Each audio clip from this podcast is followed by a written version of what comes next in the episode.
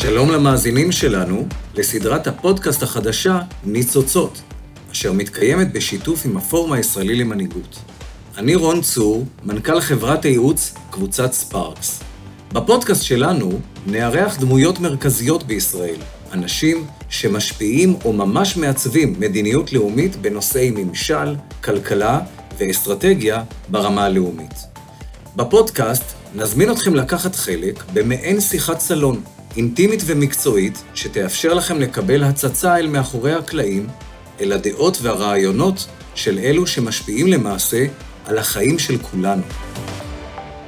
שלום לפרופסור עומר מואב. שלום, שלום. אז למי שלא מכיר, פרופסור עומר מואב הוא פרופסור לכלכלה במרכז הבינתחומי הרצליה, ופרופסור באוניברסיטת ווריק. תחומי המחקר שלו הם צמיחה כלכלית, כלכלת פיתוח וכלכלת ישראל. ואנחנו מאוד שמחים לארח אותך פה, עומר.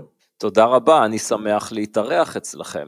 אני הייתי רוצה להתחיל אפילו בשאלה אישית. אני הבנתי שבעברך היית חבר קיבוץ, ואפילו מזכיר קיבוץ, והיום אה, מזהים אותך יותר, אם תרצה, בכלכלה הימנית במדינת ישראל. אז איך זה מסתדר, הניגודיות הזאת? אני לא רואה בזה סתירה של ממש, אני חושב שגם כשהצטרפתי לקיבוץ כאדם אה, מאוד צעיר, תפיסת עולמי הייתה תפיסה שמאמינה בכלכלה תחרותית, כלכלת שוק, לא מה שנקרא קפיטליזם, אה, בוודאי שתפיסת עולמי הייתה ליברלית, שהמדינה לא צריכה להכתיב לאנשים אה, מה לעשות, איפה לעבוד, ובוודאי שלא רצוי שהמדינה תהיה הבעלים של גורמי הייצור. כן חשבתי שבמסגרת אה, כלכלה ליברלית, כלכלת שוק תחרותית שמבוססת על קניין פרטי ויוזמה פרטית, קרי קפיטליזם, שיש מקום לאיים של שיתוף פעולה סוציאליסטי על בסיס וולונטרי.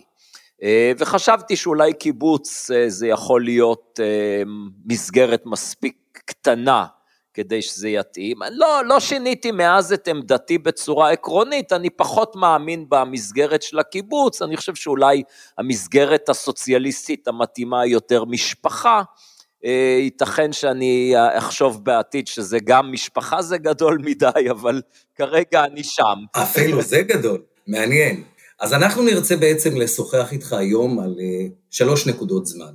ואני רוצה להתחיל בעצם בשנה שחלפה, שנת הקורונה. היום אנחנו נמצאים בנקודה שבה התחושה היא שהקורונה כבר מאחורינו, ואם הייתי מבקש ממך להתבונן לאחור, ומנקודת מבטך דווקא הכלכלית, מהן הנקודות שאתה חושב שבוצעו בציר הכלכלי בצורה טובה, ואיזה דברים בראייתך היה צריך לעשות לגמרי אחרת? כן, אז אני אגיד ככה, ראשית, אני אנצל את הבמה כדי להפנות את המאזינים שרוצים להרחיב מעט יותר ולראות גם מה כתבתי בזמן אמת, לא רק בחוכמה שבדיעבד, לזה שיש לי בלוג ויש ערוץ יוטיוב, ואולי אתה תוכל להוסיף על זה פרטים בהמשך, אבל אני אה, מציין את זה כדי שבאמת מי שרוצה יכול לראות, הפקתי כמה סרטונים קצרים שבדיוק מדברים על מה נכון לעשות ומה לא נכון לעשות בזמן מיתון, בדיוק מיתון מהסוג הזה, ולראות שוב שזה לא חוכמה שבדיעבד, ואני חושב שדי צדקתי בדברים.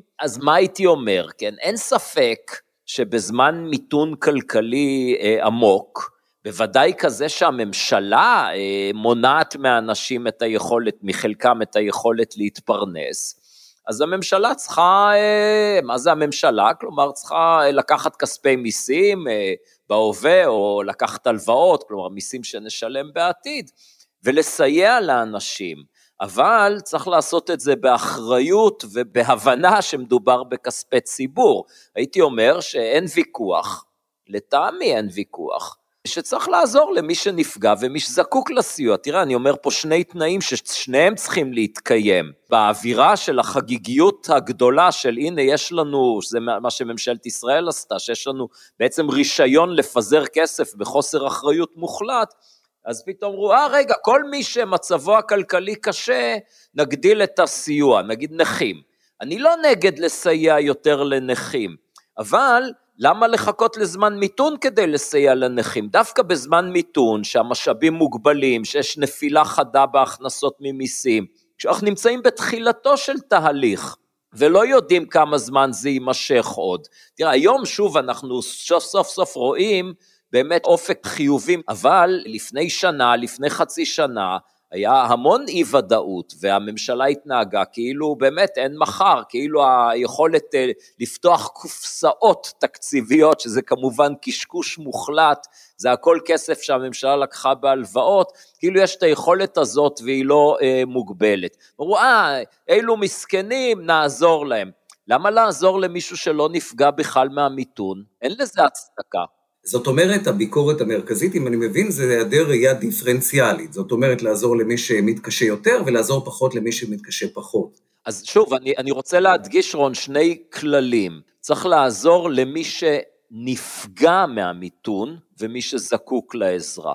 זה שמישהו חי ברמת חיים נמוכה גם לפני המיתון, וממשלת ישראל החליטה בראייה תקציבית רחבה שאולי אני אחלוק עליה, אבל זאת הראייה התקציבית הרחבה, שכך וכך הן קצבאות הזקנה, כך וכך הן קצבאות הנכות. אין שום רציונל חברתי, כלכלי, כלשהו, להעלות את הקצבאות דווקא בזמן מיתון. מצד שני, גם לא כל מי שנפגע מהמיתון צריך לקבל סיוע מכספי ציבור. תחשוב על אדם שהכנסתו, נגיד שיש לו משכורת של 100 אלף שקלים לחודש. ובגלל המיתון המשכורת שלו ירדה ל-70 אלף שקלים לחודש. האם משלם המיסים צריך לפצות אותו? התשובה שלי היא כמובן שלא. אז זה מתייחס כמובן להתנהגות הכללית של הממשלה, זה כלל ראשי מוביל. ועכשיו אנחנו יכולים לאור זה לבחון מה הממשלה באמת עשתה מבחינת סיוע לאנשים. עשתה פיזור של אה, כסף כללי, ככה סיוע לכולם ללא שום מבחן, שזה היה באמת אבסורד. כי במיוחד כשאנחנו מסתכלים על זה שבמגזר הציבורי לא נתנו כתף בכלל, כדוגמה, אבל הם לא היחידים, רוב הציבור לא נפגע כלכלית מהמיתון הזה, והנה הולכים ולוקחים ונותנים לכל משק בית כל מיני סכומים, שזה הכל שוחד פוליטי. לצורך העניין, נניח חלוקת ה-750 אה, שקלים, כולנו זוכרים לפני הפסח אה, בשנה הקודמת, זו דוגמה מאוד טובה, משום שלא הייתה בעיה של ביקוש, הצריכה הפרטית אמנם ירדה, אבל בגלל משבר של היצע, ולא בעיה של ביקוש, נכון? זאת זו בעצם דוגמה שאפשר לציין אותה, בשביל להמחיש את מה שאתה אומר.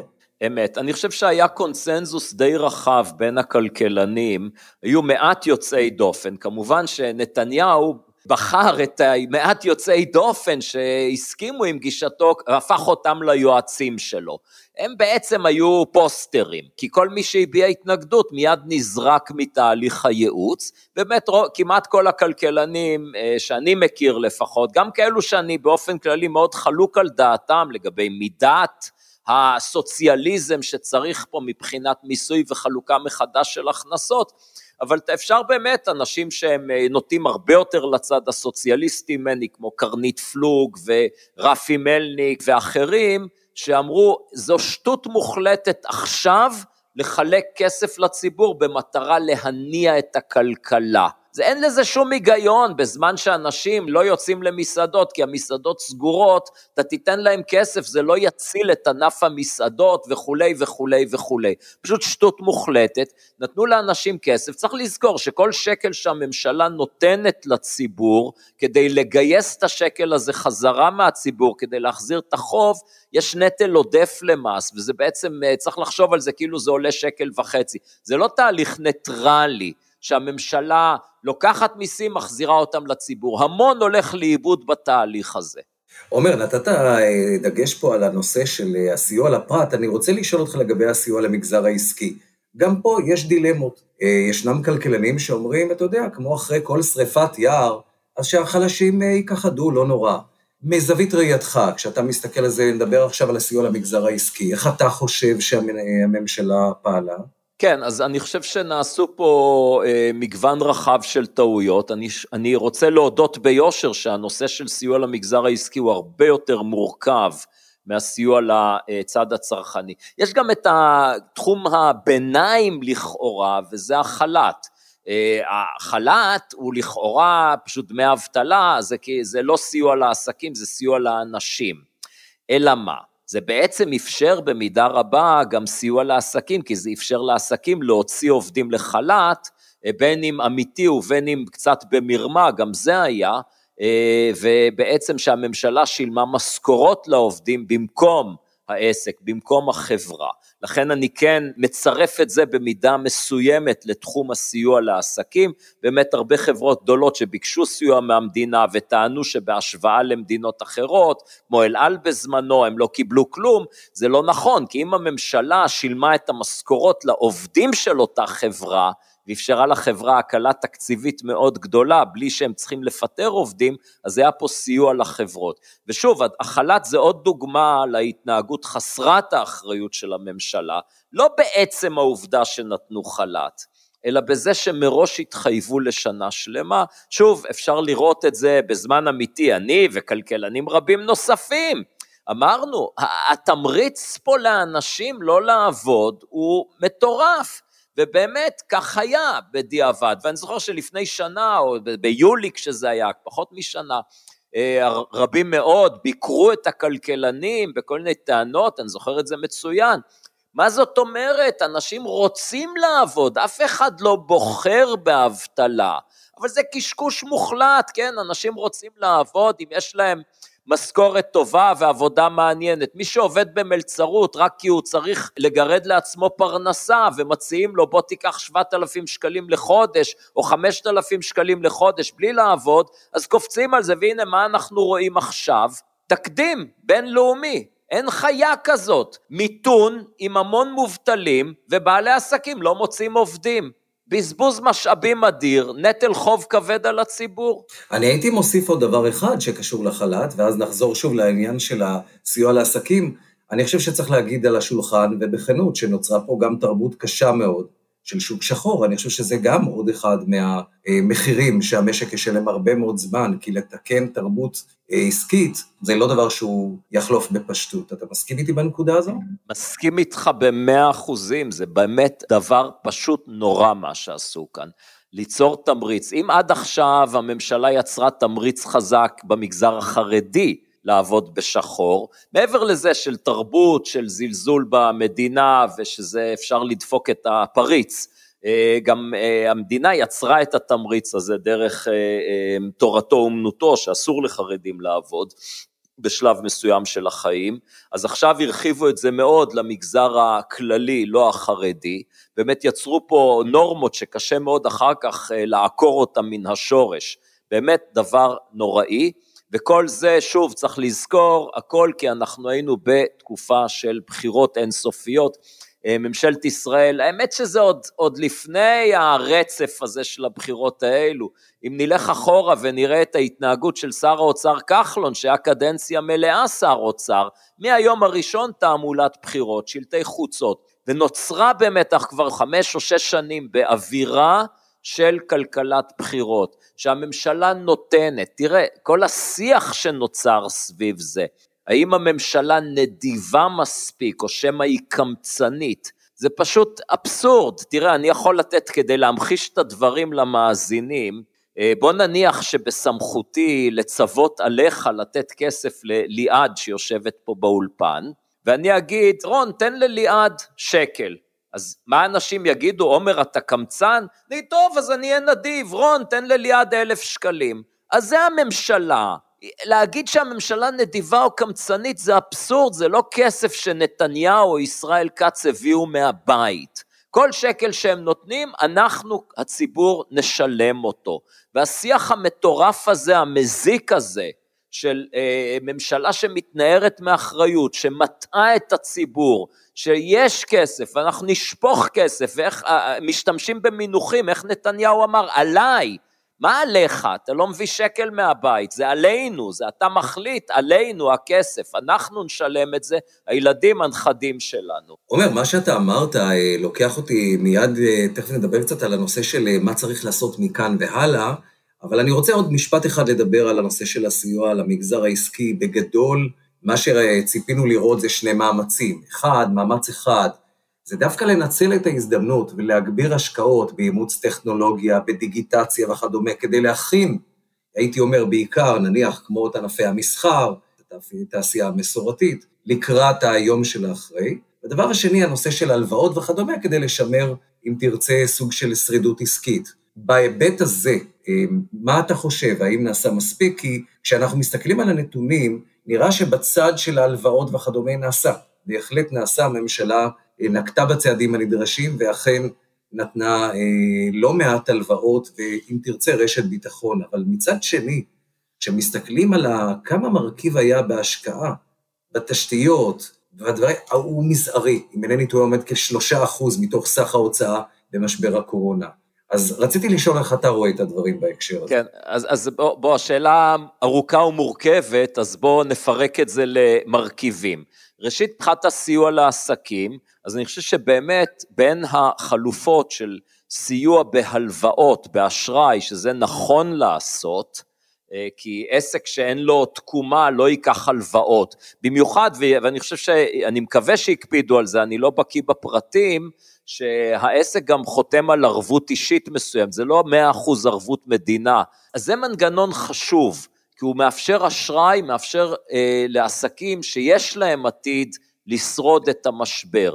לעומת זאת, המענקים היו ברובם, גם אם חלקם מוצדקים וחשובים, צריך להסתכל על התמונה הכוללת, ותמיד לזכור שזה עולה כסף, ולכסף הזה יש אלטרנטיבות, ובאמת אנחנו רואים תופעה של, הרי עם מענקים יש טעויות משני סוגים, יש את הטעות שנותנים מענק למי שמוטב לא לתת לו מענק, וכשאני אומר מוטב זה לא עניין של מגיע או לא מגיע, זה עניין של האם המענק הזה חיוני כדי שהעסק הזה ישרוד. ויש את הטעות של אה, לא לתת למישהו שצריך, וכן לתת למישהו שזה מיותר עבורו. באמת, אני מכיר הרבה בעלי עסקים שפתאום, אפילו שהם לא נפגעו מהמיתון, אבל בגלל שיש להם מחזוריות בפעילות הכלכלית, אז הם פתאום קיבלו מהמדינה אלפי ועשרות אלפי שקלים, ואולי גם בחברות גדולות מאות אלפי שקלים. על חשבון משלם המיסים צריך לזכור את זה. אז אני חושב שפה נעשו הרבה מאוד טעויות. שוב, הכל בלחץ של אנחנו רוצים, אנחנו הממשלה, לחלק מתנות לציבור. עכשיו אני אמשיך עם השאלה שלך למעשה, של מה הממשלה הייתה צריכה לעשות ולא עשתה. התחושה הייתה שבסופו של דבר הממשלה לא רוצה לעבוד. שמה שקל לעשות הם רוצים לעשות, וקל לעשות זה לקחת הלוואות ולחלק כסף לציבור. מה קשה לעשות וזה היה חיוני? זה באמת אה, לקדם פרויקטים שזה יותר מורכב, השקעות בתשתיות, תשתיות תקשורת, הכשרות מקצועיות, מחדל חמור, לא ניכנס לזה, אבל אני יכול להפנות את תשומת לב המאזינים להרבה ידיעות, אה, מכון אהרון שאני חבר בו אה, עסק במחקר בתחום הזה עם מעורבות של משרד הכלכלה, מחדל מאוד חמור של הממשלה בתחום של הכשרות מקצועיות, זה מה שצריך לתת לאנשים. לא, סליחה על הבנאליות, זה המשל של החכות לעומת הדגים, זה בדיוק זה. לגמרי. וכמובן, להכין את הקרקע ליציאה מהמיתון. יש עסקים שקרסו, צריך ליצור פה, גם בלי קשר למיתון הזה, אבל ודאי בזמן מיתון, את התשתית שתאפשר לעסקים לקום בקלות, שתאפשר לעסקים להתרחב, ואני מדבר פה על נטל הרגולציה והבירוקרטיה, שידוע בהשוואות בינלאומיות שהוא בלתי נסבל בישראל.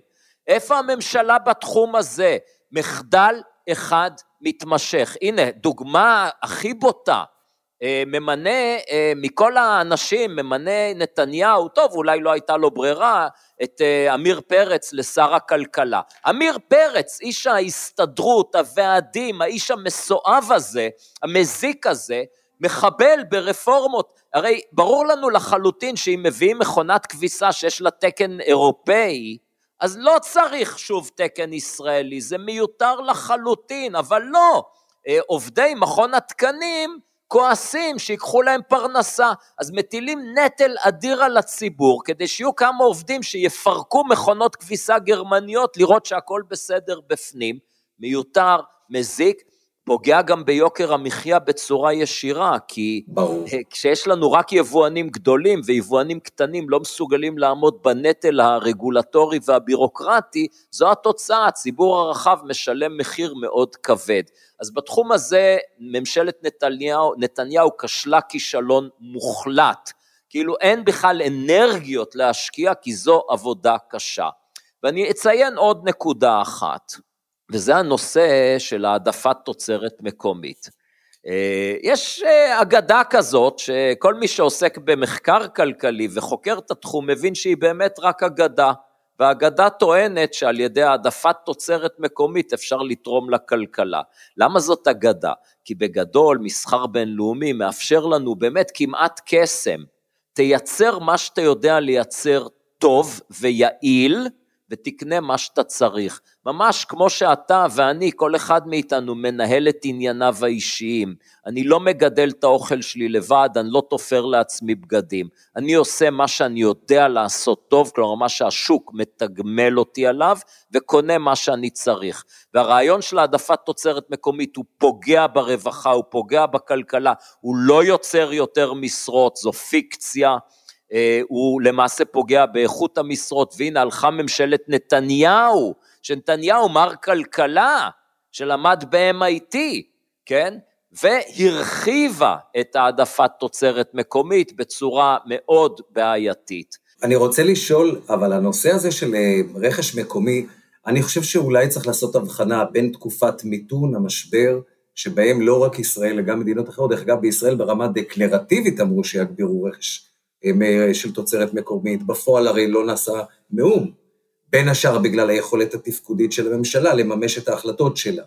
לבין כמובן במצב של אין כשלי שוק, והמשק מתפקד היטב, וזה השונות בין הכדאיות והנכונות, אם נאמר, בהשקעה בתוצרת מקומית, שאני לחלוטין מסכים איתך, כשהמשק מתפקד, הרי זה ברור שאין בזה שום אה, היגיון, למעט אולי במקרים מאוד מאוד ייחודיים, של תשתיות לאומיות, או דברים כמו בתעשיות ביטחוניות, שבהם אתה חייב לשמר יכולת תפקודית למדינה. אגב, אני אגיד לך, גם לשמר יכולות, יש דרך יעילה לעשות את זה, ויש דרך לא יעילה. אני, בוא לא ניכנס לתחום שאני לא מבין, נגיד ביטחון, אבל בוא, אם ניקח חקלאות, כן? אז כן, מקובל בהחלט שיש אה, לממשלה יעדים לאומיים שכוללים, אה, נגיד, לגדל בננות דווקא מכל הדברים. טוב, רוצים להיות רפובליקת בננות, זה בסדר. אז לא צריך לחסום את היבוא, צריך לעשות סובסידיה ישירה. אנחנו המדינה היחידה ב-OECD שעדיין מסבסדת חקלאות בצורה עקיפה, דרך חסמי תחרות, ולא סבסוד שקוף וישיר. אני רוצה לקחת עכשיו לשאלה ש... אני משוכנע שמאוד תסקרן את המאזינים לשמוע את העמדה שלך, וזה מה צריך לעשות מחר בבוקר ביחס להוצאה ממשלתית. בעיקר כשרואים עכשיו את התוכנית האמריקאית. יש כלכלנים שבאים ואומרים שהתפיסה שמדברת על מדיניות ריסון והגדלת המיסים בשביל לסגור את הפערים של ה... בעיקר, אם אנחנו מדברים על ישראל, הרי מדובר על גירעון מבני שמוערך בכחמישה אחוז, ואומרים בואו נגדיל את המיסים ונגדיל את ההכנסה של המדינה ונצמצם את ההוצאות, ובאופן הזה נוכל להקטין את הגירעון המבני. אבל כשמסתכלים על מדינות אחרות, נניח ארצות הברית, עם תפיסה שבאה ואומרת להגביר באופן מאוד מהותי את ההוצאה הממשלתית, גם בחלוף המשבר, ואנחנו רואים אה, שנכון שבישראל שמנו יעד של 60 אחוז יחס חוב תוצר, אבל מדינה כמו יפן, מעל 200 אחוז יחס חוב תוצר, ושואלים, למה בעצם עכשיו אנחנו צריכים להיכנס חזרה לתוך תהליך של ריסון, אם אנחנו מתבוננים ימינה ושמאלה ורואים מדינות מתקדמות, מובילות בעולם, שנוקטות ממש במדיניות הפוכה. אז אם תוכל להגיד מה דעתך על הנושא הזה. טוב, תראה, יפן זה באמת דוגמה טובה לחוב ציבורי ענק וביצועים כלכליים לא מרשימים. אז באופן כללי, אני חושב שהתפיסה הזאת של בואו נסתכל מה אחרים עושים, ואם אנחנו שונים אז כדאי ליישר קו, היא תפיסה שגויה, עקרונית שגויה. ראשית, אתה יודע, למה לשאוף לממוצע של אחרים? אני בעד להצטיין, או לעשות את המינימום לצאת ידי חובה. אה, שנית, יש המון דוגמאות שקל להוכיח שארצות רבות בוחרות במדיניות שהיא פשוט מדיניות שגויה, מדיניות הרסנית אפילו. אה, עזוב מרגע מקרו-כלכלה, שזה נורא מורכב, אתן לך דוגמה, פיקוח שכר דירה. תראה שזה מאוד פופולרי בהרבה מאוד מקומות. עכשיו, בכל מקום שניסו פיקוח שכר דירה זה נכשל כישלון חרוץ. אין דוגמה אחת שהורדת שכר הדירה על ידי חקיקה מתחת למחיר השוק נגמר טוב, כי זה תמיד מוביל לתחזוקה לקויה, יחסים גרועים בין בעלי הדירות לדיירים, אה, למחסור, למצוקה, באמת זה הרס של שוק השכירות. בכל זאת זה זוכה להמון פופולריות, למה? כי אנשים לא מבינים כלכלה או מייצגים את האינטרס הצר של עצמם, תמיד יש יותר שוכרים מאשר משכירים. בוודאי שמתעלמים מהסוחרים הפוטנציאליים. באופן דומה, אני חושב שיש אווירה של פופוליזם בהרבה הרבה מאוד ארצות. הישראלים לא יוצאי דופן, נגיד, בזה שהם טומטמו כלכלית, לחשוב שהמדינה זה משהו שמנותק מהם כלכלית, זה איזה מלך שבאמת ברצונו, ברצותו ייתן, ברצותו ייקח, ואם הוא לוקח מיסים זו גזרה על הציבור, ואם הוא נותן כסף הוא טוב ומיטיב, זה קשקוש מוחלט, אבל ככה אנשים חושבים, ואם אנשים חושבים ככה, אז ככה פוליטיקאים מדברים. צריך להבין שכל שקל כזה יש לו עלות. עכשיו, לגופו של עניין, אה, מה שהממשלה צריכה לעשות היום, זה לא לנהוג במדיניות פופוליסטית חסרת אחריות, לנצל את המשבר כדי לעשות רפורמות נכונות. לא צריך להעלות מיסים, אני נגד. צריך להתייעל בצד ההוצאה, להבין איפה יש בזבוזים אדירים בצד ההוצאה ולהתייעל. ובצד ההכנסות ממיסים לבטל פטורים. משבר הוא הזדמנות, יש המון פטורים ממיסים שהם לא מוצדקים, צריך לבטל פטורים, לפשט את מערכת המס ולאחד שיעורי... אתה בעצם מרמז לחוק עידוד השקעות הון? אני מרמז אה, לא רק לחוק עידוד השקעות הון, אני מרמז להרבה מאוד דברים. חוק עידוד השקעות הון הוא חוק מזיק, הוא חוק שיוצר אפליה במס בין חברות יצואניות לחברות שמייצרות למשק המקומי. שוב, בבלוג שלי, בעיקר כלכלה, יש נייר מדיניות שכתבתי עם אסף צימרינג, שמנתח בצורה מפורשת למה חוק עידוד השקעות הון הוא חוק מזיק. חוק מיוט, שצריך, לא מיותר, מזיק, שצריך לבטל אותו. הוא מגדיל פערים בתוך החברה הישראלית, הוא מעלה את השכר של העובדים החזקים, הוא פוגע בשכר של העובדים היותר חלשים. הוא לא תורם כלום לצמיחה הכלכלית, הוא מזיק לצמיחה הכלכלית ולרווחה.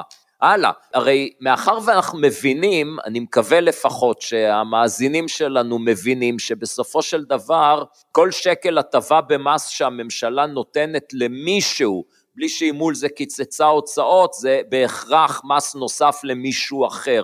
ולכן כל ההטבות במס שיש למשל על קרן השתלמות והפרשות לפנסיה, הממשלה צריכה לבטל. זה לא הטבה לציבור, זו אשליה. הלאה, מע"מ פירות וירקות אפס, צריך לבטל את זה.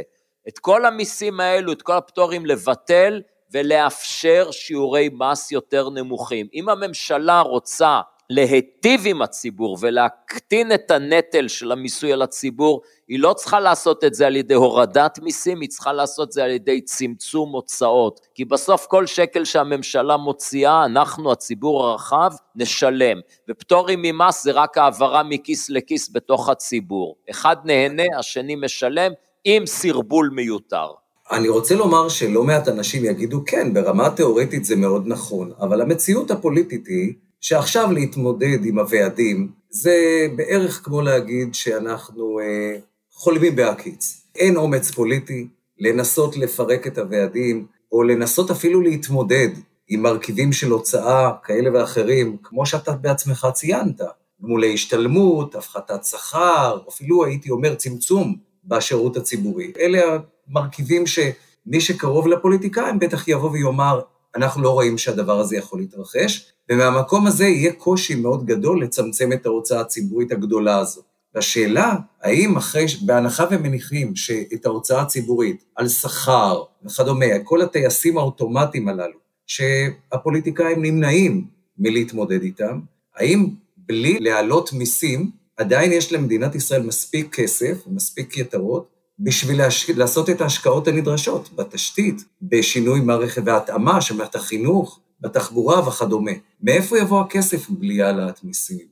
לא, אז תראה, אני שוב, בוא, אם להיות ריאליים, אז אני לצערי מסכים איתך, אז כל מה שאני אומר זה במקום להעלות מיסים, לבטל פטורים. אה, זה הרע במיעוטו.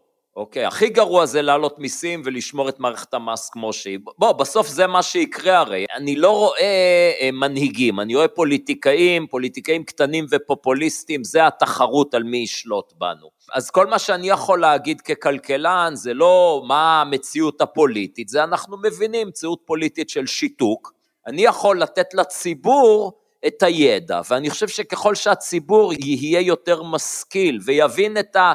לא דורש השכלה גבוהה, זה ברמה של להבין שאחד ועוד אחד זה שניים, להבין שאין לממשלה מקורות תקציבים שאינם הציבור, שכל שקל שהממשלה מוציאה הוא בהכרח על חשבון הציבור, את האמת הזו כדאי להבין, וברגע שהציבור יבין את זה, אז אולי אה, יפעיל לחץ על הממשלה להיות פחות פופוליסטית. ותראה, העובדה שהארג... שארגוני העובדים שולטים, ושמגזר הציבורי אה, באמת נשלט על ידי ארגוני העובדים, הקביעות, זכות השביתה המופרזת, זו אמת.